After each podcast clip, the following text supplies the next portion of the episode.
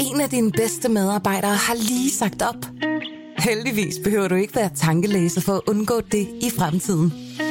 WinningTemp indsamler data gennem hyppige og anonyme medarbejderundersøgelser, så du lettere kan mærke pulsen på dine medarbejdere og støtte der, hvor der er behov. Kunder som Alfa Laval, Orkla og Volvo bruger allerede WinningTemp og ser, at det øger trivsel, reducerer turnover og hjælper med at fastholde talenter. Få gratis gennemgang allerede i dag på winningtemp.com. Berlingske.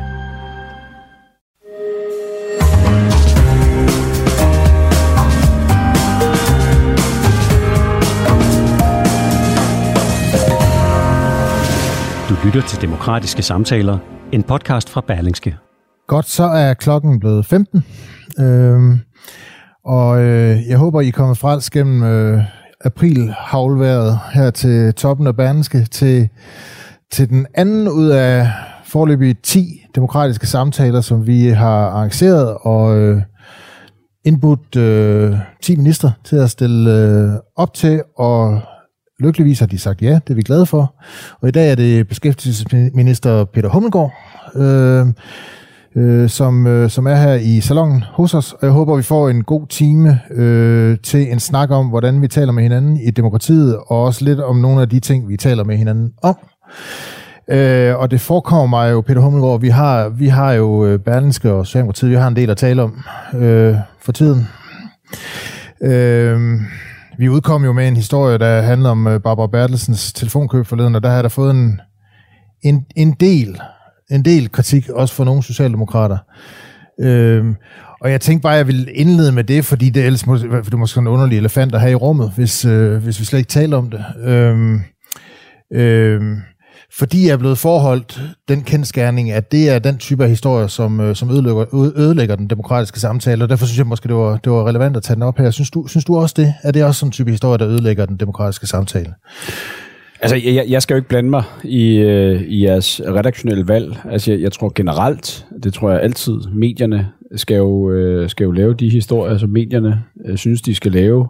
Øh, men generelt synes jeg jo altid, det er et sidespor, når man øh, forfalder til men enten det er at rode i skraldespanden, eller øh, overvåge folk, eller øh, øh, hvad ved jeg, der var en, en, en nu tidligere chefredaktør på Ekstrabladet, som daværende chefredaktør på Se og Hør, der blev straffet for at øh, også at benytte sig af overvågningsmetoder. Altså det synes jeg jo aldrig nogensinde fordrer øh, hverken den demokratiske samtale, eller øh, at, at gunstigt for et demokrati.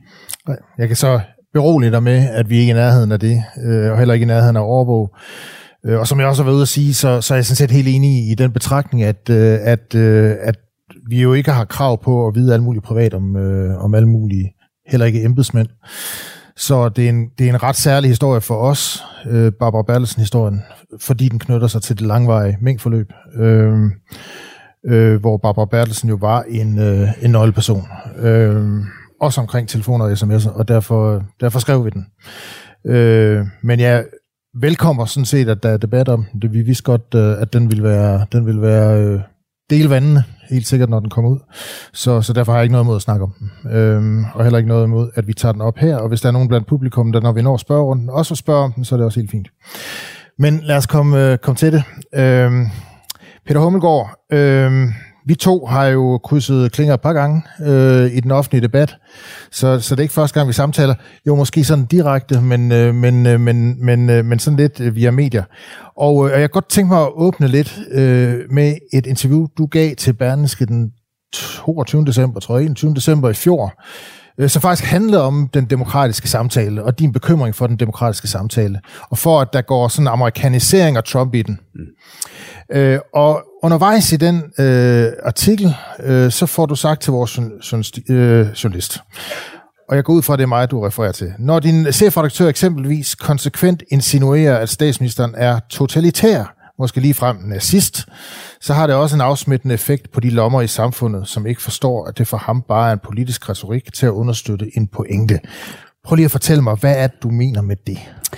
Jamen, jeg mener jo, at, at jeg ved jo, at du er øh, og det har jeg jo meget øh, respekt for, og det kommer der helt sikkert også avisen til gavn, men jo et meget begavet menneske, og derfor så ved du også godt, hvad det er, at du øh, sætter i gang af øh, associationer, når du opfinder dit eget national socialdemokratisme begreb. Øh, og i øvrigt i jeres stort opslået annoncer, sørger for, at der er et behendigt øh, tankestreg mellem national social, social og så streg demokratisme.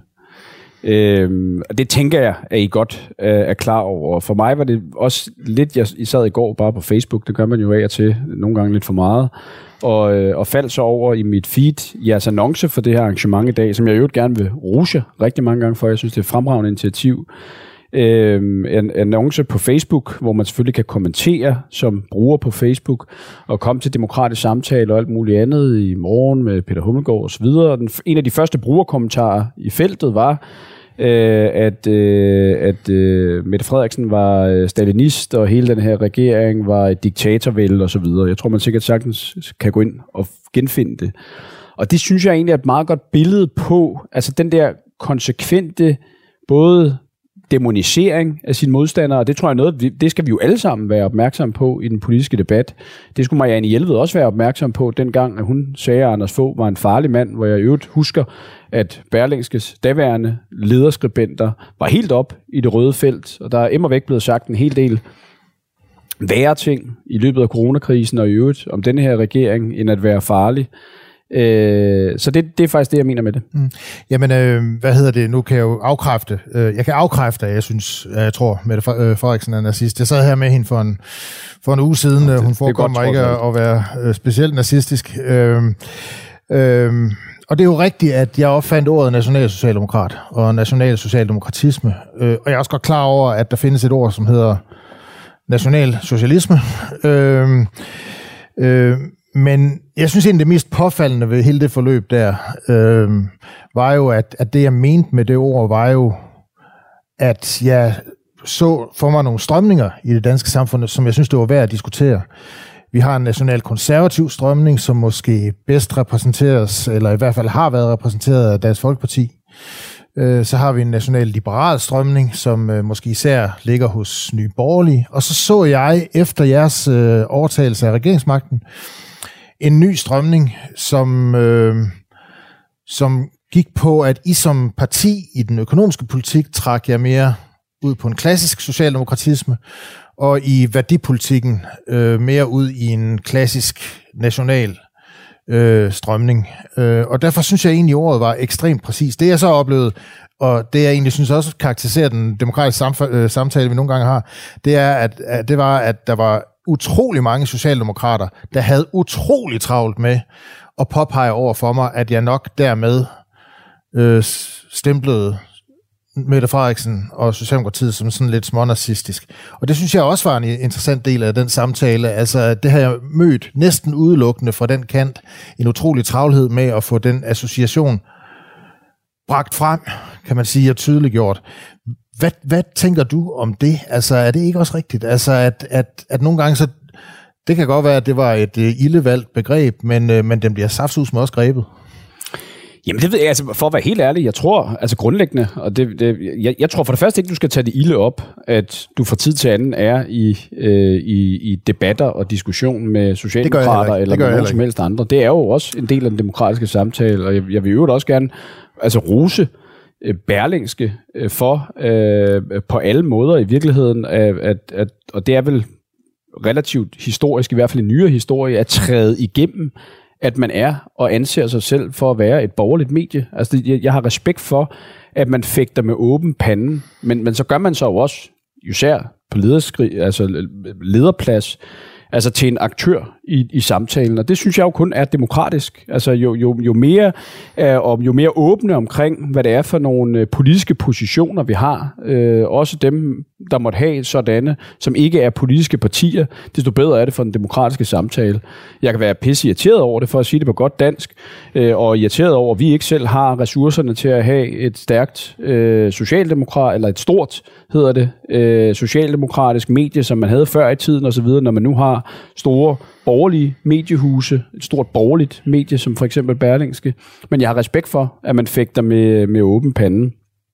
Derudover, altså tror jeg, altså reaktionen på, du må opfinde alle de begreber, du gerne vil. Jeg tror mange af os, øh, som er socialdemokrater, vil jo sige, at, øh, at, at, øh, at, at det, du kendetegner som værende national socialdemokratisk, det er jo i virkeligheden bare at være socialdemokrat. Altså efter sammenbruddet af den anden socialistiske internationale, så splittedes partierne ud i en mere, eller hvad kan man sige, strømningerne i socialismen jo ud i dels demokratiske og også mere nationalt orienterede øh, forgreninger, og nogle blev så syndikalister og kommunister og hvad de ellers hedder alle sammen. Og fra 1920 i Danmark, så var Socialdemokratiet et, øh, et, et både demokratisk parti, som deraf jo ville gøre og gjorde, og heldigvis lykkedes med at bekæmpe kommunisterne, men også samtidig jo også et meget nationalt orienteret parti. Øh, og, øh, og, og så kan man sige, det du beskriver, vil vi andre jo nok i virkeligheden bare øh, sige, jamen det er det er socialdemokratismen. Det er klassisk socialdemokratisme, at være nationalt orienteret samtidig med, at man også har en, øh, en fordelingspolitik, hvor man gør sig umage med at sørge for, at øh, vi løfter hele samfundet, når vi bliver rigere. Men er det ikke rigtigt i hvert fald, at i forhold til det socialdemokrati, man så op gennem nullerne, måske tierne, Torning-regeringen, så har I og Mette Frederiksen og den nuværende regering placeret Socialdemokratiet et noget andet sted, både i forhold til udlændingepolitikken, måske også øh, i hvert fald i starten i forhold til EU, i forhold til, hvordan man, øh, hvad, man vægter, hvad skal man sige, nogle af de spørgsmål, som traditionelt har appelleret til borgerlige, som i faktisk lykkedes med i, øh, i, i, en, i en rumtid og, og, og tiltrække en del af. Øh, ja, det er da fuldstændig rigtigt, at på en række positioner har vi i dag, og fører vi i dag, en anden politik, end vi gjorde for eksempel mellem 2011 og 2015, øh, eller for den sags skyld på nogle tidspunkter i 90'erne, og, og sikkert også tidligere. Øh, men det er jo samtidig jo, dels så afspejler det jo selvfølgelig, at samfundet øh, forandrer sig hele tiden, nye udfordringer opstår, der kræver nye svar. Øh, derudover, så vil jeg jo stadigvæk argumentere for, at, øh, at balancerne i de forskellige positioner på de forskellige politikområder i dag, og det, at man også kan appellere, øh, hvad kan man sige, til bredere grupper, er i virkeligheden et, øh, et kendetegn ved det, som jeg opfatter som Socialdemokratiet. Øh, vi er og er sat i verden for at være et, et bredt fagnende folkeparti, øh, som, øh, som også kærer sig om, når vi snakker om fællesskab, så handler det jo selvfølgelig også om øh, de nære værdier som menneske. Det har de konservative jo ikke, øh, hvad kan man sige, øh, øh hvad hedder det, begrebsmonopol på overhovedet. Så, var I, så, så altså, jeg, jeg vil da også, og på udlændingepolitikken, der, altså, det har jo været en, i mit parti en debat, der har bølget og raset hissigt siden jo i hvert fald 1983 øh, med, med skiftende vægtninger osv. Nu har vi fundet, synes jeg selv, egentlig en, øh, en, en fornuftig balance efter øh, alt for mange års intern diskussion omkring det. Så får I lidt vild i både reformpolitik og værdipolitik under Torning, for eksempel? Nej, altså for vildt, det ved jeg ikke, men jeg tror da, jeg tror da helt, helt klart, at, øh, og det viser sig jo også i dag, Øh, det er alle EU-lande jo enige om, øh, undtagen jeres lederskribent Thomas Berndt, at det var uklogt dengang efter finanskrisen, at, øh, at øh, øh, forsøge at løse en krise ved at spare sig ud af den, fordi det var med til både at forlænge og forværre den økonomiske krise det det var en af årsagerne til, at vi valgte en anden tilgang under, øh, under hvad hedder det, coronakrisen, og en tilgang, der i hvert fald indtil vi bragede ind i Ukrainekrisen, har vist sig at være ordentligt succesfuld.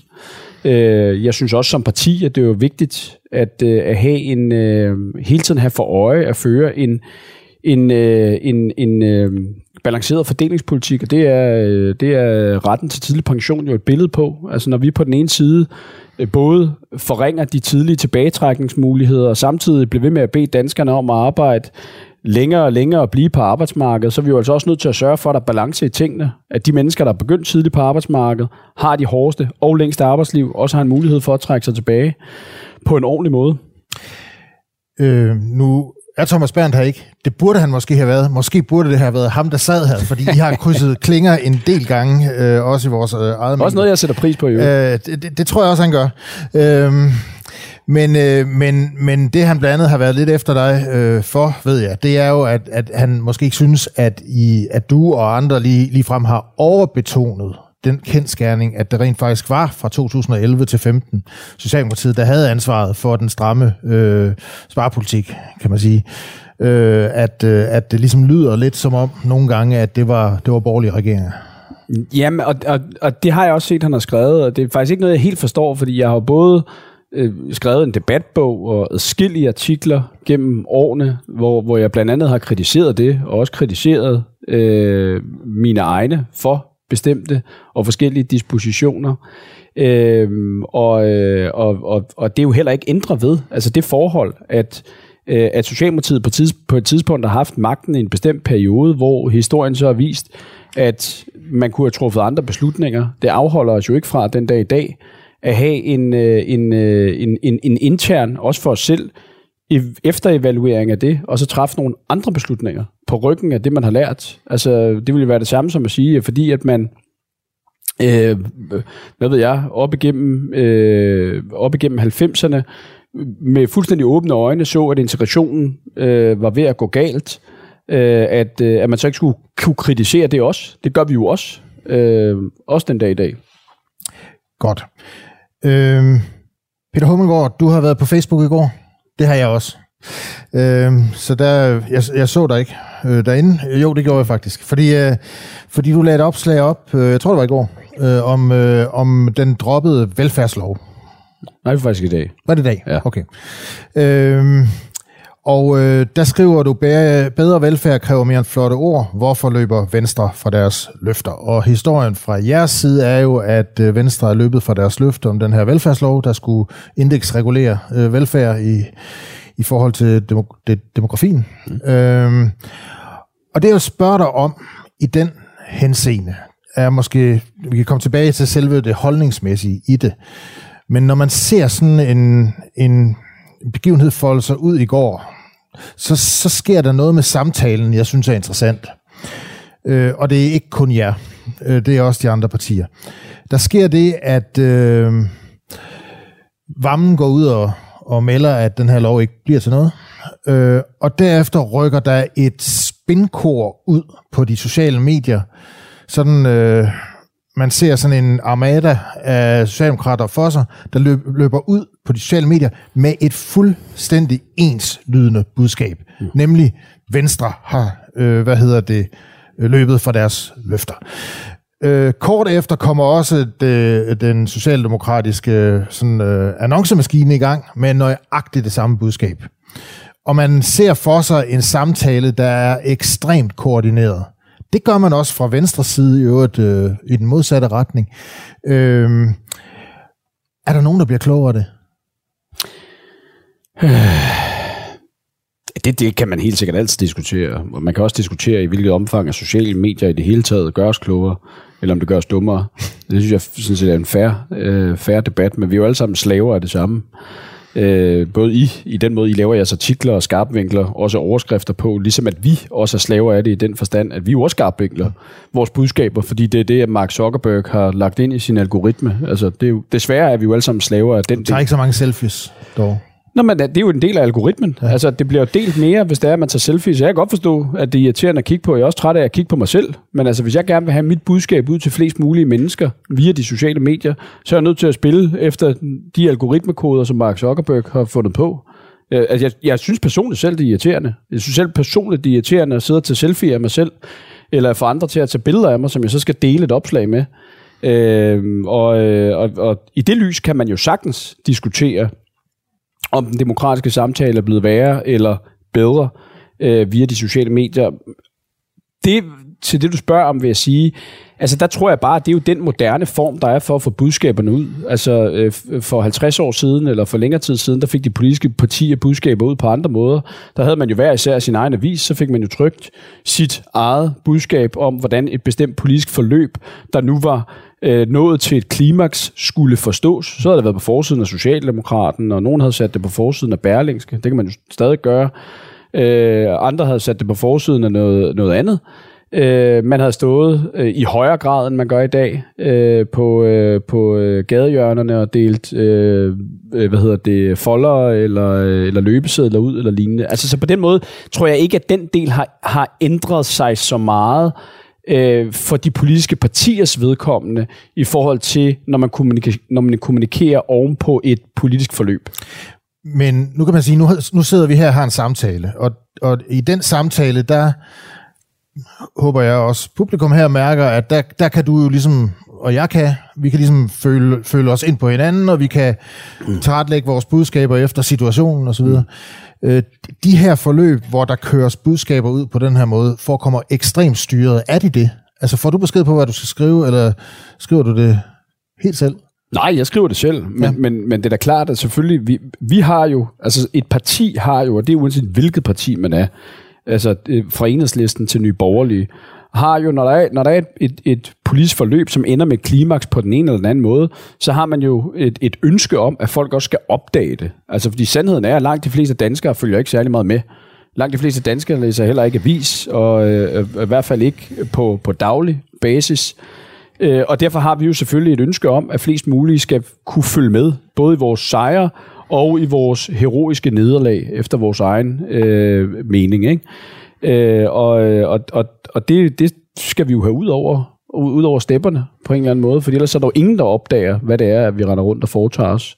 Og så er diskussionen jo så, hvordan kan vi, som det politiske led, hvordan kan I jo især, fordi det mener jeg jo er en del af jeres også eksistensberettigelse som medier, sørge for, at den samtale bliver faciliteret bedst muligt, så flest mulige mennesker deltager og er oplyste øh, og alt muligt andet. Øh, og, øh, og, og, og der tror jeg, at vi alle sammen kan gøre det øh, bedre, men, men som jeg nævnte før, vi er jo, altså, øh, I er jo overgået til primært at være, eller i hvert fald så vidt jeg har hørt, uden at have læst ned i jeres regnskaber, men, men større og større af jeres strategi og indtjening baserer sig jo også på øh, det digitale. Digitale abonnementer, digitale annoncer osv. Og det er jo også en af årsagerne til, at jeres overskrifter også bliver skarpere og skarpere og skarpere. Jeg har også indtrykket af, at I er dygtigt i øvrigt, øh, øver jeg rigtig meget i, hvordan kan det gøre så skarpt. Jeg har også lagt mærke til, afhængig af, hvad ens medieforbrug er, at cookies ligesom også afgør, hvad det er for nogle historier, der ligger øverst, og hvad det er for nogle annoncer, eller hvad det er for nogle overskrifter, der måske kunne fænge mest, ikke? Afhængig, når man går ind på, på, på jeres hjemmeside. Og, og det synes jeg da godt, man kan diskutere, at, det, øh, at, at, at den der målrettighed efter skarpvinklingen, at det er faciliterende for øh, en ordentlig demokratisk samtale, eller er det, øh, er det i virkeligheden polariserende? Så vi vil sådan set begge parter øh, og alle sammen øh, det bedste. Vi er bare slaver af Zuckerberg. Er det det, du siger? Og i virkeligheden er det, er det mekanismer, som de sociale medier, der er med til at dræbe den demokratiske nej, samtale? Nej, det ved jeg, det ved jeg ikke. Altså, jeg synes jo, jeg synes jo det, at I i jeres på lederplads, generelt i avisens udtryk, jeres reklamer for den sags skyld også, i højere og højere grad bliver meget tydelige om, at I er et borgerligt medie, der taler til et borgerligt publikum. Det synes jeg jo ikke er udemokratisk. Det synes jeg heller ikke er forkert. Jeg, jeg, jeg kan jo være irriteret over det, fordi det gør jo, at jeg tit er uenig med jer, og I er uenige med mig. Men det er jo ikke udemokratisk. Tværtimod er det fordrende for en demokratisk samfund. Så kan man diskutere, at er den demokratiske, at, at det så, altså er det skævvredet i den forstand, at der er flere mediehuse, der er åbent borgerlige eller alt muligt andet, det ved jeg ikke. Det, kan man, det er jo ikke et så stort problem i Danmark, som det for eksempel er alle mulige andre steder i verden. Øh, man kan også diskutere, om det bliver for meget i USA. Altså øh, Roger Ailes øh, øh, metoden, som, som jo nu også har overtaget både CNN og MSNBC, der polariserer de jo bare i hver sin retning, så meget, at det har trukket de to partier i hver sin retning. Det er jo heller ikke godt. Så, så det handler jo om at finde nogle ordentlige balancer, og i øvrigt blive ved med at gøre det, som I inviterer til her, og øh, sørge for, at vi kan være rygende uenige. Så er der nogle enkelte punkter, hvor jeg måske, selvom at I er et borgerligt medie, kunne ønske mig også lidt mere, hvis jeg må det fra jer. Ikke? Altså, jeg, jeg synes, det ene er, jeg undrer mig tit over, at der er så klar en overvægt af brug af Cepos som kilde i jeres historier.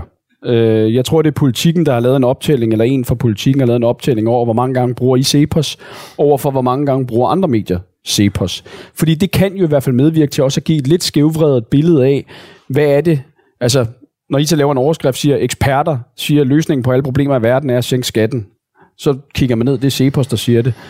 Øhm, det kan jo give et, et skævvredet billede af, hvad det er for nogle eksperter, man bruger. Det er det ene. Og det andet, hvor man måske godt, det er, jeg synes nogle gange, når der er blevet lavet historier, bygget på nogle præmisser, som endte med enten i diskussionen, der kommer efterfølgende, ikke at holde vand, eller i virkelighedens udvikling, ikke at holde vand, kunne jeg godt nogle gange ønske mig, øh, at øh, I også selv turde følge op på det. Altså et lille eksempel. Ejendom Danmark, altså, som jo er interessevaretager for de store øh, hvad hedder det, ejendomsselskaber øh, osv., eller øh, ejere af ejendomsselskaber, øh, lavede jo en historie og nogle tal, som de fik Berlingske til at lave, der sagde, at Blackstone-lovgivningen øh, ville sørge for, at andelsboligselskaber øh, ville gå i, øh, hvad hedder det, gå falit i et stort væk og, og gå konkurs og alt muligt andet. Nu har Blackstone-loven været der i, i, i en ganske rum tid, og man har ikke mærket nogen konsekvenser endnu i hvert fald, ude i andelsboligforeningerne. Og, og det vil jo sige, der, der var jo en, de kilder, I brugte til den historie, som blev en meget stor genstand for den diskussion, endte med ikke at holde vand. Og på samme vis kan vi jo som politikere og i vores respons og alt muligt andet, helt sikkert også blive, blive bedre. En ting kan man sige øh, er helt sikkert, det er, at som øh, hverken som medier eller politikere ufejlbarlige er vi ikke. Øh, og det jeg egentlig bare undrer mig lidt over, det er, øh, når, når I jo faktisk i kraft af medieudviklingen og de sociale medier nu har direkte adgang til at kommunikere med borgerne, som I har, hvorfor det så ofte sker, at, øh, at det sker på den der I siger alle sammen det samme på den samme tid. Øh, og det, det kan godt forekomme at være en, hvad skal man sige, en sådan lidt en, en kold start for en, for en sådan givende demokratisk øh, samtale. Men skal vi ikke lige, bare lige forholde os, fordi det kan jo nemt blive til øh, en samtale om samtalen, øh, lige forholde os et, et, et øjeblik også til selve spørgsmålet om den der velfærdslov. Mm. Hvorfor den er så vigtig. Øh, for kan man ikke godt sige, at hvis man får... I forvejen har vi en regulering af de offentlige lønninger og, øh, og øh, overførselsindkomster på basis af et eller andet indeks. Hvis nu, vi nu også skal til at indeksregulere, øh, hvad skal man sige, øh, velfærden som sådan, har vi så ikke bare skabt et offentligt sektormonster, som på ingen måde og nogensinde vil være tilskyndet til at lave noget om, fordi pengene ruller jo bare ind automatisk? Øh, for det første, så tror jeg ikke, det er nej. Altså, fordi der er, jo, der er jo ikke... Altså, når vi gerne vil lade pengene følge demografien, altså, så, er det jo, så er det jo ikke engang et udtryk for, at, øh, at, at velfærden bliver bedre. Altså, så bliver den jo som minimum det samme, og oplevet som det samme. Det er jo bare nok til at dække de flere udgifter, der er, når der bliver født flere børn, når der er, at vi alle sammen lever længere. Derudover, grunden til, at det er vigtigt for os, det er jo, at nogle af de reformer, som, som vi jo også har lavet, øh, og, og øh, selv medvirket meget, meget aktivt til, er jo også bygget på et håndslag om, og på en øh, i virkeligheden en kontrakt med danskerne, øh, om, at, øh, at når vi for eksempel levetidsindeksere pensionsalderen, når vi ændrer så markant i efterlønnen, som man gjorde der tilbage i 2010-2011, øh, så blev det jo gjort med en argumentation og et løfte til danskerne om, at grunden til, at vi gør det, det er for, at vi kan blive ved med at regne med, at der er et ordentligt niveau af pleje, omsorg, sundhedsbehandling, øh, pædagogiske tilbud til vores børn osv., og når man så efterfølgende, efter at have stået og bildt danskerne det ind i samme ombæring med, at man har forringet en lang række af deres pensions- eller tilbagetrækningsrettigheder, så ikke lade de penge følge med, som man havde lovet dengang, at man brugte som argumentation, så synes vi jo, at det er et, øh, et kontraktbrud. Øh, vi synes, det er et, øh, et, et svigt, som, som, som vi gerne vil binde os selv og andre i øvrigt også til masten, at, øh, at, øh, at, at leve op til. Det er derfor, det er vigtigt for os. Men kan man ikke sige, at øh, en, en sådan mekanisme øh, vil være det modsatte af at tilskynde øh, den offentlige sektor til faktisk også at gøre tingene smartere? Jeg tænker på, vi har over 10, 20, 30 år haft en kolossal omstilling af samfundet ikke mindst i kraft af digitaliseringen og den grønne omstilling og meget andet, som har gjort, at samfundet som sådan, erhvervslivet som sådan, har været igennem nogle gigantiske omstillinger. Øh, det forekommer, at, øh, at det helt det samme ikke gør sig gældende for den offentlige sektor. Fordi, måske fordi, øh, at man ved, at finansieringen er det på forhånd. Jeg ved, at Peter Loft på et tidspunkt har været ude at sige, at øh, i den offentlige sektor, der, øh, der øh, øh, øh, har man jo den mekanisme, at man ved, at pengene kommer ind, og derefter skal man så i gang med at finde ud af, hvad de skal bruges til. Øh, og det kan være en usund mekanisme. Øh, for en offentlig sektor, der jo fylder halvdelen af vores økonomi, det er jo, det er jo en kolossal del af vores økonomi, den offentlige sektor. Jo, men, men jeg vil så samtidig også, og, og det er jo også samme Peter Loft, der var, tror jeg, departementchef dengang, man fandt på i skattevæsenet, at man skulle effektivisere, og man kunne gøre tingene meget klogere og smartere, hvis man fyrede en masse skattemedarbejdere. Og det forhold, at man så gjorde det, var det ikke en politisk det, vi, beslutning? Jo, selvfølgelig var det det, men nu, nu var det dig, der refererede til Peter Loft, og jeg refererer så til, at han var departementchef. Det kan jo være, en del af det faglige oplæg også kom derfra, det aner jeg ikke, men det var han. Ja. Øhm, og og øh, en, en væsentlig, væsentlig øh, øh, konsekvens af den beslutning blev jo, at man ikke var i stand til øh, og, og løse, hvad kan man sige, basisopgaver i skattevæsenet. Og det aldrig vist sig at være en særlig god idé eller sund øh, forretning, fordi man baserede det på nogle antagelser, som aldrig nogensinde indfriede sig selv. Tværtimod gjorde man det nemmere for, øh, for, for, for kloge mennesker placeret i New York og Dubai og alt muligt at snyde os alle sammen, og mere eller mindre røve os øh, med, med, med øh, udbytteskatteskandalen og den manglende skatteinddrivelse. Og, altså, så, så jeg tror altid, man skal være påpasselig med at tro, at man kan, øh, at man kan helt ind til kerneopgaverne i velfærdssamfundet, øh, kan øh, øh, øh, ligesom bare på forhånd sige, nu sparer vi en masse penge, og så tror vi på, at at, øh, at der kommer en eller anden øh, gevinst af, at, øh, at vi øh, gør tingene på en smartere måde. Selvfølgelig skal man gøre det, men man skal jo vente på, at, at det potentiale så også indfrier sig, hvis du spørger mig i hvert fald.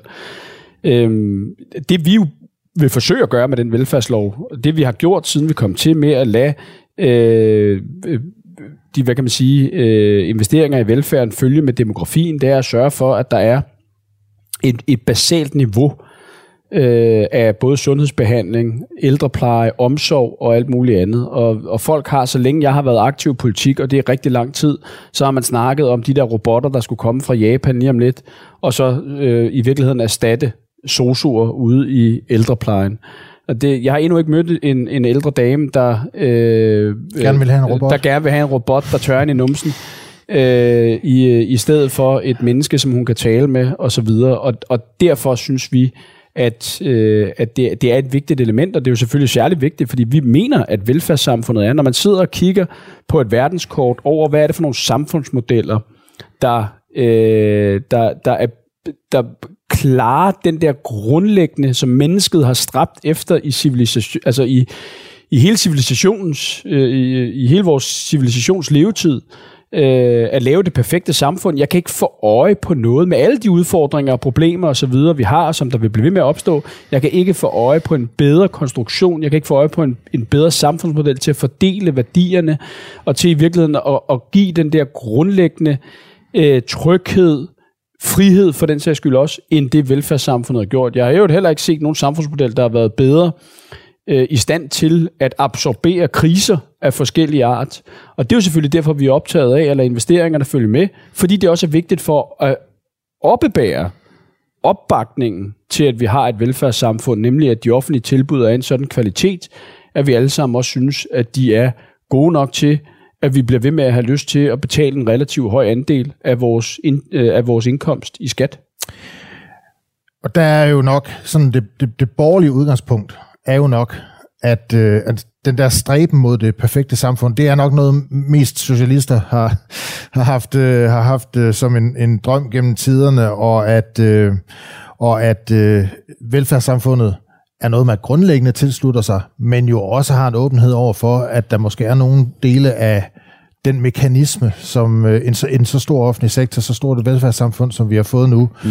Øh, har i gang sat, ikke nødvendigvis er er sund hele tiden. Mm. Og det er, jo, det er jo også det, der, det synes jeg jo også er det interessante. Altså, fordi man kan sige, den, hvad kan man sige, den, den accept, som få, efter han blev formand for Venstre, og i virkeligheden gik til valg på i 2001, af at, at velfærdssamfundet er en, øh, en, en så høj milepæl i vores civilisationsindretning, at, øh, at det kan borgerlige øh, og bør borgerlige øh, heller ikke øh, grundlæggende øh, hverken omkalfatre eller vælte, at den er jo under, som jeg fornemmer det, i borgerlige kredse, navnligt i jeres avis, under forandring. Altså, hvor du siger, at, at du siger det jo egentlig meget klart her, ikke? at det er der en grund til i højere og højere grad at stille spørgsmålstegn ved, om det er, hvad kan man sige, den, den rigtige måde at indrette sig på. Øh, og det synes jeg kun er interessant, og nogle diskussioner og konflikter, som jeg kun glæder mig til at have flere af. Godt. Øhm, vi skal videre, øhm, eller rettere, det er beslægtet. Øh, du har sagt om, om Berlingske, og måske især om vores øh, erhvervsredaktør Thomas Bernd Henriksen, at han øh, har øh, undervejs i coronaen taget fejl hele vejen igennem om den økonomiske politik. Og det er alligevel noget, øh, kan man sige. Det er, jo, det er jo i hvert fald konsekvent, øh, hvis man gør det. Øh, hvad mener du, og mente du egentlig med det? Nu skal du høre. Okay, det er det, du det har taget jeg jo med. forberedt mig, ikke? Altså, øh, jamen, der mener jeg jo, at jeg, jeg har, og jeg nyder jo mine, øh, mine politiske debatter med, med blandt andet Thomas Berndt, men jeg mener jo for eksempel, den leder, han skrev øh, i, øh, hvad hedder det, i coronakrisen, øh, hvad dato var det? Det var i januar 2021, hvor han skrev, at Mette Frederiksen er farlig end få og anker på samme tid, og at et år giver gældsætning øh, er en farlig kurs for Danmark, og det vil føre direkte til afgrunden. Altså det, det mener jeg jo, og har vist sig heldigvis øh, at være forkert, baseret på nogle forkerte antagelser, og nogle forkerte øh, slutninger af i øvrigt også, hvad det var, at vi gjorde.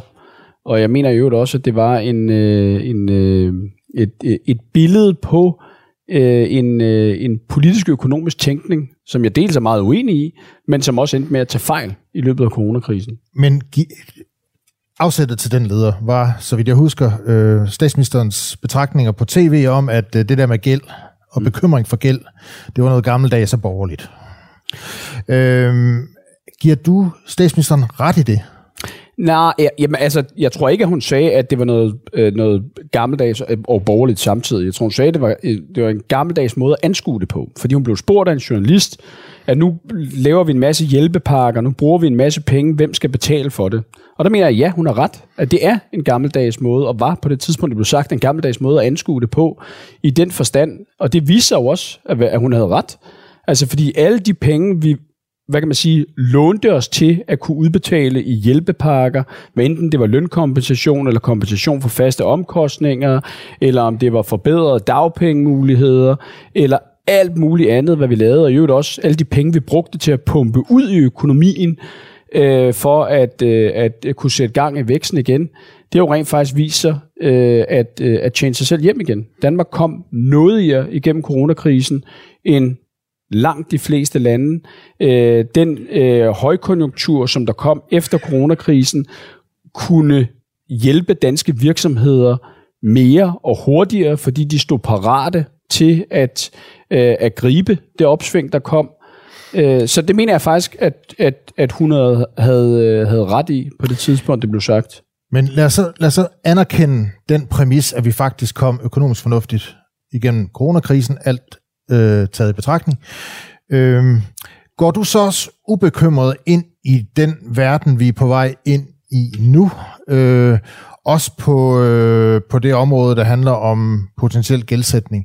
Fordi jeg får jo, hvad skal man sige, sådan reminiscenser. Jeg er født i, i 60'erne, jeg er vokset op i 70'erne. Jeg får, jeg får nogle sådan små déjà vu'er øh, af Anker Jørgensen-tiden øh, lige nu. Inflation, øh, stagnerende vækst, en budgetlov, der bliver suspenderet, øh, et øh, pres på, øh, på, øh, på, øh, på udgifterne på mange, mange forskellige fronter, krav om øh, øh, hvad hedder det, finansiering, grøn omstilling, krav for jeres støttepartier om at bevare øh, øh, og styrke velfærden på en række områder, krav om, at vi jo skal op på 2% øh, i forsvarsudgifter af BNP, øh, og en hel masse andre ting, som på én gang rammer os nu. Er du ubekymret over gæld også i dag? Jeg er generelt øh, overhovedet ikke ubekymret over noget som helst øh, lige nu. Det har jeg ikke været de sidste, heller ikke de sidste tre år. Altså vi er jo gået, og vi er jo brager fra den ene store verdenskrise lige ind i den næste. Øh, men nej, det er jeg ikke. Og jeg mener også karakteren af denne her krise, som vi står i nu, som jo allerede nu også øh, altså puster til øh, inflationen på en række forskellige områder, navnlig selvfølgelig energipriser, der stiger, men som følger af det også en lang række andre varegrupper. Karakteren af den krise er anderledes end øh, en, øh, en karakteren af den krise, vi kommer fra. Og derfor skal den også håndteres med andre redskaber. Altså, vi, vi kommer jo ikke til at kunne sige, at vi, altså, alle kriser er jo forskellige, og derfor skal man bruge forskellige værktøjer. Det farlige, tror jeg, vil være at sige, at alle kriser skal håndteres på den samme måde.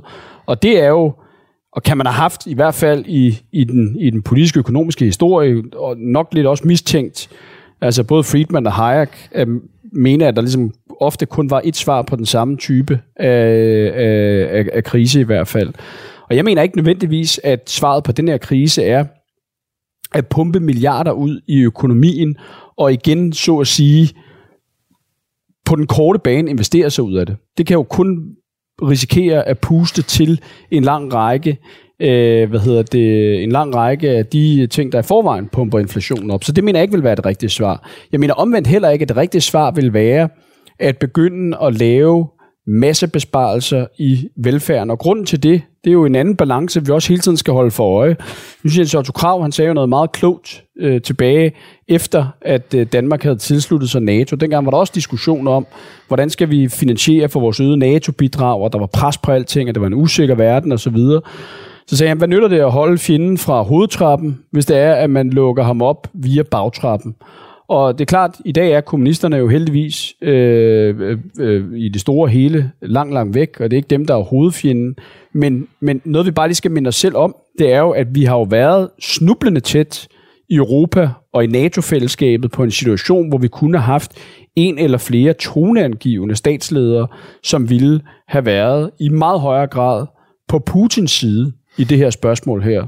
Donald Trump i USA, Marine Le Pen i Frankrig, Salvini i Italien osv., og i øvrigt også regeringsledere, som mest af alt også bliver eller blev hjulpet til magten af stigende politisk polarisering, stigende økonomisk ulighed, ringere øh, levevilkår, middelklassens stagnation, velfærdens udhuling. Og derfor skal vi forsøge alt, hvad vi kan, at holde de balancer, hvor vi på den ene side selvfølgelig gør de ting, der er økonomisk fornuftige i den nye krise, vi står i, finder penge til at investere i de ting, vi ikke kan komme udenom, som jo er forsvar og i øvrigt også klimaomstillingen, øh, for ikke at havne i en helt anden og meget værre krise, samtidig med, set med vores øjne, at vi sørger for at opretholde et ordentligt niveau af velfærd og levevilkår for danskerne, for heller ikke at give næring til yderfløjene. Men undskyld, kan man det, uden at blive godt, altså gammeldags borgerligt bekymret for, hvor det ender rent økonomisk?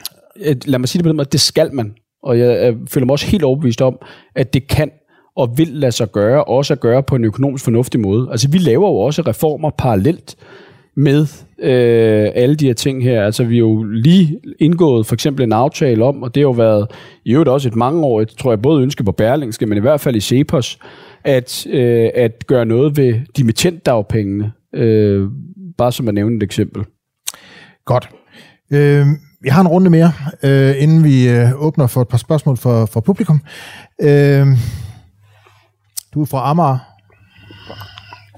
Øh, og øh, jeg har også øh, været på Twitter øh, her de senere dage, og jeg, jeg kan se, at du forleden svarede til Jonathan Spang fra Tæt på Sandheden på DR. Øh, noget med, hvem der har arbejdet i lufthavnen af dine familie øh, og venner og bekendte. Kan, kan, kan du prøve at rise op, hvad det var, du svarede ham? Jamen, altså, jeg tror, konteksten er, at Jonathan Spang i sit, øh, sit underholdningsprogram lidt mobber mig med at, at nævne hele tiden, at jeg er, er vokset op ude i, i Kastrup og har familie, der arbejder i lufthavnen. Og han nævner så kun, at min far arbejdede der. Og så for ligesom at drive lidt gæk med ham tilbage, så skrev jeg på Twitter, at han ligesom ikke havde det hele med. Øh, fordi det er faktisk stort set hele min familie, der har arbejdet i lufthavnen. Og det jeg nævnte for ham var, at det har ikke bare min far, men faktisk også min mor, min stefar arbejder der stadig, min onkel, min morfar, min farfar, og faktisk også mig selv. Sådan. Øh, sådan er det for mange, der kommer fra Kastrup. Sådan. Har du været faglig aktiv derude? Og det siger jeg ikke, fordi det er problematisk. Jeg har, jeg har selv været faglig aktiv. Jeg har været stedfortrædende tillidsmand, kan jeg, kan jeg afsløre her engang. Øh, måske til nogens overraskelse. Men har du været faglig aktiv derude? Nej, jeg, jeg har ikke på den måde været faglig aktiv. Jeg har, da jeg arbejdede der, og i de forskellige, jeg arbejdede flere forskellige job øh, i og omkring øh, lufthavnen, der har jeg selvfølgelig altid været medlem af, øh, af den, øh, den fagforening, der også havde overenskomsten. Men jeg har ikke selv været faglig aktiv. Men det er klart, at øh, at, at i omkring Danmarks største arbejdsplads, øh, og hvor mange mennesker bor, altså mens man måske nogle steder øh, ude på landet har forsamlingshuse, der ligesom er knudepunktet for fællesskaber, så er det jo, øh, i, i, når, når mange arbejder det samme sted og laver det samme og er medlem af den samme forening, så bliver det også foreningslokaler, øh, der ofte er et samlingspunkt, og navnlig fagforeningslokaler, hvor man så holder sine fester, konfirmationer og alt muligt andet. Men når jeg spørger på den måde, så er det, så er det selvfølgelig lidt en, en, en, en lille smule drillende indgang til at, at diskutere den nuværende regerings forhold til fagbevægelsen. Fordi nogen har jo sådan tegnet lidt et billede, som man måske, når man sidder i min, på min stol her, ikke, ikke nødvendigvis synes er helt unfair, at, at vi måske er på vej tilbage til en situation, hvor fagbevægelsen måske har fået noget mere magt, noget mere indflydelse i forhold til øh, den socialdemokratiske regering, end man har set i 20-30 år. Det var jo evident tilbage i 60'erne og 70'erne, at der var et meget, meget, meget tæt øh, forhold. Og lad mig prøve at nævne et par, et par eksempler, og så vil jeg gerne diskutere især det, det ene. Der har været Arne-pensionen, som var en, en, en meget stor, øh, et meget stort valgløfte fra Socialdemokratiet, der blev, blev gennemført. Øh, der har været diskussion om mangel på arbejdskraft og, og øh, det at tiltrække udenlandsk arbejdskraft, og hvordan man kan gøre det og bør gøre det. Øh, der har også været diskussionen af det, det tredje arbejdsmarked, eller det nogen øh, måske sådan i, i fagforeningssammenhæng kalder falske selvstændige, altså hele Volt, Uber, mm. nemlig .com-dimensionen. Øh, der har også været lidt omkring jobcentrene. Og så, så måske det, jeg godt kunne tænke mig at kaste på bordet her lige til en diskussion. Jeres oplæg til øh, Danmark kan mere et, øh, som jo skulle adressere problemet med mangel på arbejdskraft. Øh, i det, øh, i, det, øh, I det forslag, så var der pludselig en, øh, en forhøjelse af fradraget for fagforeningskontingenter. Hvorfor, hvorfor sniger det sig ind der? Det er en skattelettelse. Er det en skattelettelse? Ja, det er en skattelettelse. Altså til den enkelte, du får et fradrag, når du betaler til for eksempel en, øh, en øh, din fagforening, jeg ved ikke om du er medlem af Journalisternes Forbund eller noget andet, så længere, får du, ikke nej ikke længere, men, men dine journalister, når som betaler til Journalistforbundet, så kan de jo fradrage, øh, som det er i dag, op til 6.000 kroner øh, af, af, den, øh, hvad hedder det, af det kontingent, de betaler. Det er jo noget, vi har besluttet for mange år siden, for at medvirke øh, og give et økonomisk incitament og tilskynde til organisering på arbejdsmarkedet. Og når du så forhøjer det fradrag, så giver du en skattelettelse. Hvorfor? Og det er jo en skattelettelse, der så også er, øh, set med vores øjne, altså ganske målrettet, fordi det går direkte ned i hjertet af, hvad kan man sige, det arbejdende Danmark. Og, øh, og, og jo en skattelettelse, du kan målrette næsten endnu mere end for eksempel at forhøje bundfradraget, eller øh, at øh, forhøje beskæftigelsesfradraget, eller lignende. Så, så skattelettelser tilskynder altså folk til at arbejde mere, og dermed øh, er det, kan det være med til at løse mangel øh, på arbejdskraft. Det er det et, klart et element. Det synes jeg er dejligt at høre en socialdemokrat sige, at skattelettelser Jamen det kan faktisk det. tilskynder. Det siger vi da ikke. Men det er øh, altså kun, øh, der, det er kun folk, der er medlem af en fagforening, som skal få glæde af en sådan skattelettelse. Jamen ligesom at øh, hvis du eksempelvis vil lempe skatten på øh, fri telefon, så er det jo også kun folk, der får stillet fri telefon til rådighed af deres arbejdsgiver, der får glæde af det, eller hvis du sænker, øh, hvad hedder det, kapitalavance. Altså, man behøver ikke være medlem af en fagforening for at få, øh, få fradrag for telefon. Nej, men det kræver, at du så har en fri telefon fra ja. din arbejdsgiver. Ja, ja. Det er jo ikke er alle, der på. har det. Det er med på. Vi har, jo, vi har et skattesystem, hvor vi bruger fradrag på forskellige måder, hvor, vi, hvor det både kan øh, være med til at give noget økonomi til den enkelte, men hvor det sådan set også kan bidrage til at øge og, øh, og skabe en bestemt adfærd. Og derudover så var konteksten, at Danmark kan mere, altså var jo, var jo ikke kun, at det var noget, der skulle tilvejebringe øh, hvad kan man sige, arbejdsudbud og arbejdskraft. Øh, det var jo i virkeligheden et forsøg på at sige, at vi har en række forskellige øh, tendenser. Vi har øh, set nogle, øh, coronakrisen har været et forstørrelsesglas på nogle ting i vores samfund, hvor vi mener, at vi kan gøre det bedre. En af de klare ting, som coronakrisen, jo set med vores øjne i hvert fald, viste, det er, hvor dybt afhængige vi er af at have og hvor taknemmelige vi skal være for at have et meget, meget organiseret arbejdsmarked. Og, og, og organisering på arbejdsmarkedet er desværre jo i øh, stagnerende. Og øh, hvad kan man så gøre fra politisk hold? Det er jo ikke, det er jo ikke øh, hverken regeringens opgave at gå ud, hverken på fagforeningers vegne at organisere medlemmer, eller på arbejdsgivers vegne at organisere virksomheder. Men det vi jo kan gøre, det er jo at forbedre øh, de øh, øh, skruer, der er skrue på. Et af dem er jo skatteskruen, og det er derfor, vi så har sagt, at øh, så forhøjer vi fradraget for fagforeningskontingent, fordi det kan jo så gøre, at flere øh, øh, oplever, at, øh, at øh, de får dækket en højere del af det, de betaler i kontingent, øh, kan de fradrage i skatten. Men I har jo hævet skatterne på en række andre områder, skatteafgifter på en række andre områder. Øh, trækker det så ikke i den modsatte retning?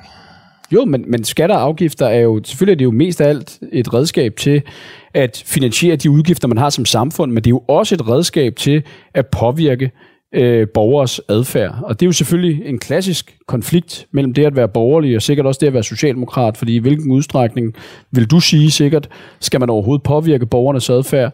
Når vi for eksempel har hævet afgifterne på, cigaret, øh, på, øh, på cigaretter, så er det jo fordi, at vi kan konstatere, at det er meget, meget dyrt for vores samfund, at vi har så mange borgere, der hele tiden bliver ramt af øh, uhelbredelige kræftsygdomme, som er dyrt at behandle for det første, men det er jo mest af alt skidt for den enkelte og for familierne, og cigaretter er i det hele taget øh, jo skidt for vores kroppe, Øh, og måden at komme det til livs på, det er jo så at hæve afgifterne, det kan måske se i øje også bidrage til at skabe højere eller mindre ulighed i sundhed.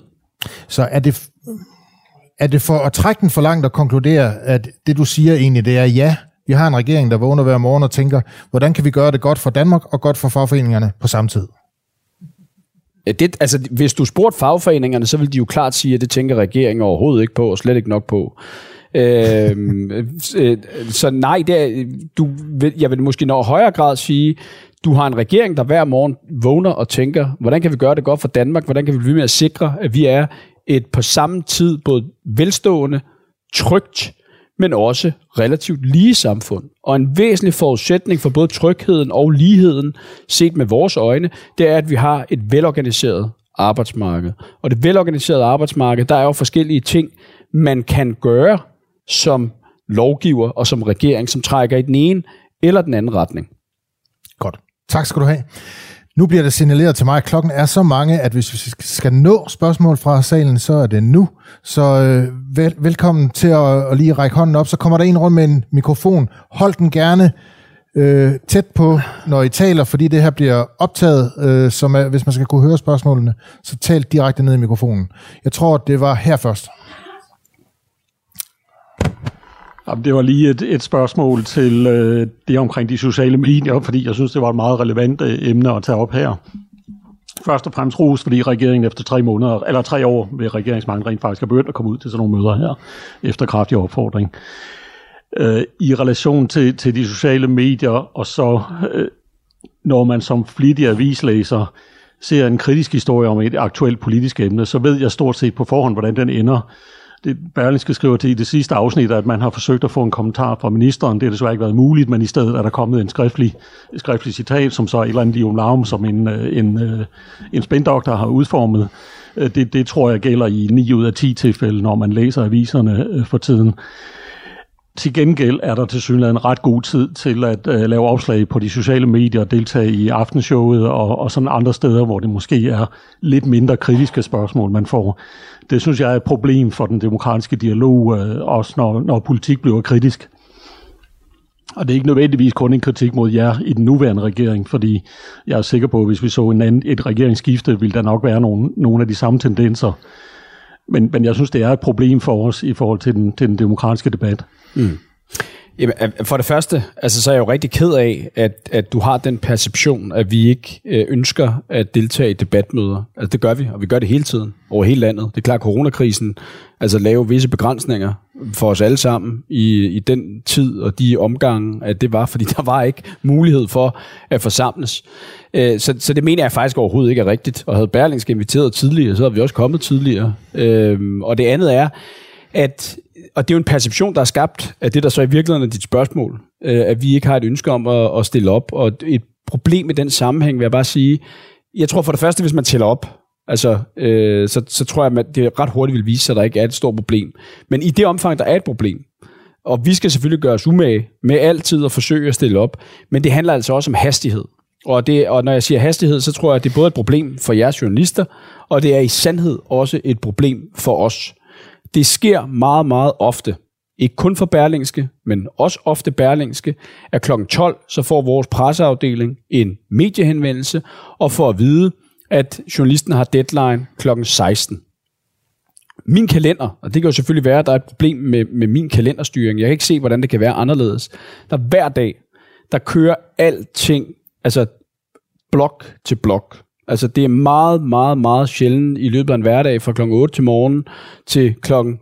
17-18 stykker, at, jeg har meget, altså har fem minutters øh, pause mellem det ene, det andet til det tredje. Og det, så kan sige, det er jo sådan en måde, jeg har indrettet min kalender på, fordi at jeg også er far, og jeg gerne vil være i stand til at nå mest muligt i løbet af en arbejdsdag, så jeg kan nå at være sammen med mine børn, inden de skal sove, og så må jeg jo så arbejde igen om aftenen. Men hvis der fra tid til anden er øh, en, øh, en, øh, at det ikke er muligt at få en kommentar, så er det altså også ofte, fordi det ikke er muligt hverken at nå at belyse, hvad mit svar i givet fald skal være. Altså ofte er det jo nogle, nogle vanskelige ting at svare på, man bliver forholdt på aftrækket mellem at få henvendelsen og få at vide, hvornår deadline er. Og så er det jo damned if you do, damned if you don't. Ikke? Fordi hvis du så stiller op og siger noget, der er noget sludder eller noget forkert, så bliver det jo så et helt andet problem.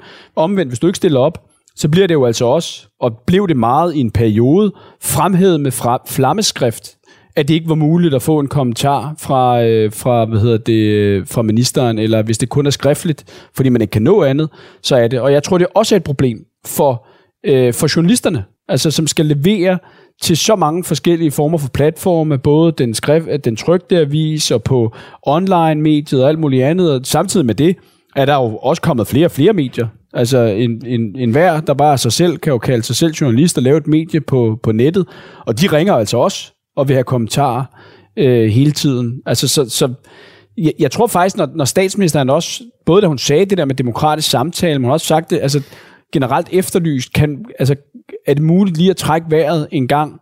Øh, har vi mulighed for at trække vejret og tænke os om, inden vi svarer? Det, det, det, det synes vi sjældent, vi har. Øh, og, og, og så er, øh, hvis ikke man har mulighed for det, så bliver alternativet jo at lade være med at svare. Det, altså desværre. Godt, jeg har et spørgsmål her også. Ja, jeg vil godt ind på tonen i debatten, og jeg vil godt tage udgangspunkt i debatten omkring jobcentrene. Der var her i for kort tid siden en debat omkring det, at man skulle fra jobcentrene henvise de ledige til arbejdsgiverne. Og øh, det, vi har jo en lovgivning på, eller kan vi sige et konstruktion på det her område, hvor staten, hvor du som minister sidder og træffer, kan vi sige, meget detaljeret lovgivning og regelsæt og benchmarking.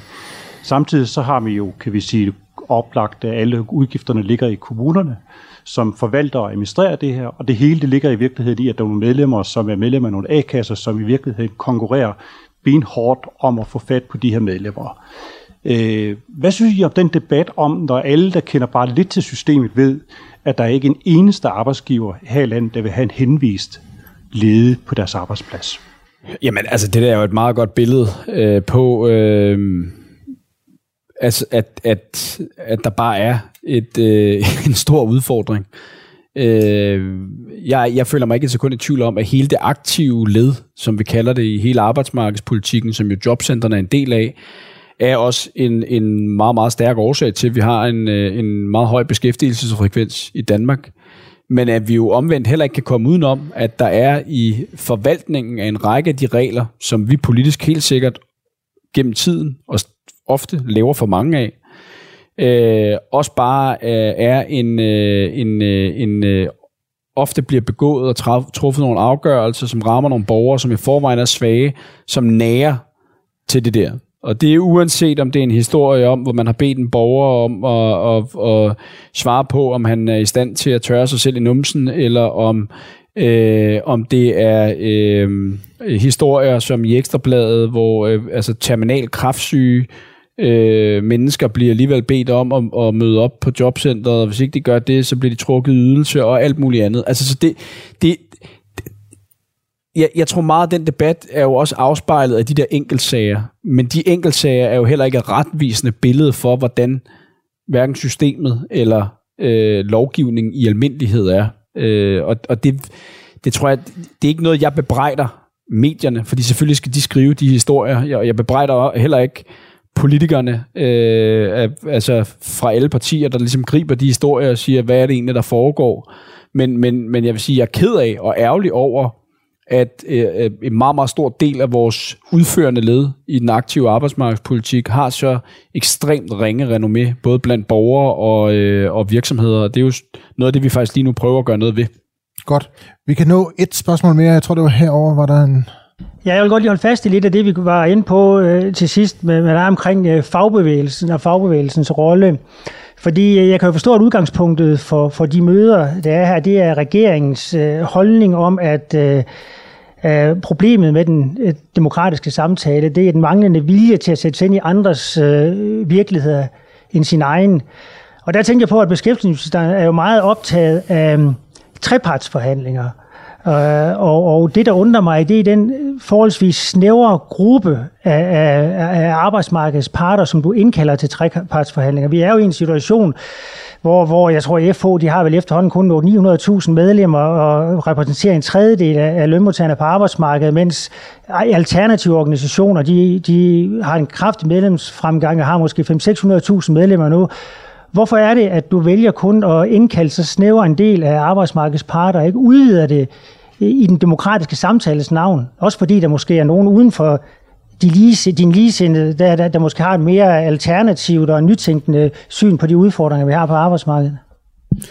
Jamen for det første, øh, øh, bare, bare lige for, inden jeg, jeg svarer på det konkrete, vil bare lige svare på det bredere, det der med en, en demokratisk samtale, som også afspejler de virkeligheder, der er. Altså en af de ting, som jeg synes, der er en, en, en, en larmende fravær af i medie, øh, øh, i mediebilledet, det er jo i virkeligheden, at, og, og det er jo et forhold, som fyldt rigtig meget i mediebilledet, øh, stort set igennem hele historien, indtil på et eller andet tidspunkt i start, måske midt nullerne eller sådan noget lignende, det er jo dækning af, af arbejdsmarkedsstof, altså som betyder så sindssygt meget for så mange mennesker, men som jo ofte bliver overset. Altså nu har vi jo snakket om retten til tidlig pension. Jeg tror, det overraskede mange i medierne. Det overraskede mange sådan i politiske iagtagere, at, at det her forslag her kom til ligesom at komme ind og få så stor en både appel og, øh, og, øh, og vindkraft, fordi ingen havde ligesom opdaget, at der var en gigantisk understrøm af utilfredshed på store dele af arbejdsmarkedet, som jo udgør mange mennesker, og dermed mange vælgere, som, som simpelthen også ville flytte deres kryds på stemmesedlen, hvis nogen ville adressere det her spørgsmål om, hvordan øh, kunne de få lov til at trække sig tilbage på arbejdsmarkedet på et eller andet tidspunkt. Og grunden til, at ingen havde opdaget det, i den politiske journalistik i hvert fald, det var jo selvfølgelig, at det er noget, der er, er, er underdækket i forhold til, hvor meget det fylder. Et andet øh, eksempel er jo for eksempel hele det der spørgsmål om ægtefællemodregning som vi jo lige har gjort noget ved. Der har været Facebook-grupper med, med, med 10.000 vis af mennesker, der sidder og skriver med hinanden, og, og, og som er ramt af, at de bliver modregnet i deres øh, førtidspensionsydelse eller almindelig pensionsydelse, fordi deres mand eller kone stadig går på arbejde. Øh, kæmpe frustration og alt muligt andet. Øh, som, som også et forslag, vi havde, vi havde med, Øh, og som øh, noget af det, jeg har modtaget flest både borgerbrev og alt muligt, men som stort set ingen medier har skrevet om i, i i alle de år, hvor det fyldte så meget, og først er begyndt at skrive om, efter at vi indgik en aftale om at, at afskaffe det. Øh, så, så altså, det, altså min appel, tror jeg, til medierne bredt set, uden at jeg skal blande mig, det vil jo være at opprioritere det der arbejdsmarkedsstof, fordi det betyder så meget for så mange mennesker. Jeg tror jo også, der er et, et øh, hvis I analyserede jer ned i det, øh, et, et meget, meget stort altså kundepotentiale, mediekundepotentiale, for folk, der gerne vil vide noget om den hverdag, øh, hvor de alligevel bruger de fleste vågne timer øh, på. Og så i forhold til dit konkrete spørgsmål, jamen altså, der, vi har jo en trepartsinstitution, som er baseret af parter, som jo mest af alt også er udvalgt efter repræsentation, øh, i, i selvfølgelig i antallet af hoveder, men jo også, hvem er det, der indgår aftalerne på arbejdsmarkedet, altså overenskomsterne. Og det er jo der, hvor de nye, øh, eller hvad kan man sige, de øh, organisationer, Øh, øh, hvad hedder det, øh, som, som du nævner, øh, ikke spiller en, øh, en nævneværdig, hvis overhovedet nogen som helst form for, for rolle. Og nogle af de produkter, at nogle af de organisationer udbyder, har jo også mere karakter af at være et forsikringsprodukt, frem for et, et hvad kan man sige, et, et fagforeningsprodukt. Godt. Klokken er blevet lidt over fire. Øh, jeg håber, at øh, I blandt publikum har fået en, øh, en øh, eftermiddag ud af det, som, øh, som gav jer noget. Jeg vil gerne sige tak til Peter Humgaard for at komme og stille op til en samtale om lidt af hvert. Øh, og så øh, vil jeg takke øh, publikum for at komme. Samtalerne, de demokratiske samtaler fortsætter. Der ligger på bordene en øh, oversigt over, på hvilke datoer og øh, vi håber at se øh, mange af jer til nogle af de følgende øh, samtaler. Også tak for i dag. Og tak til Berlingske for initiativet.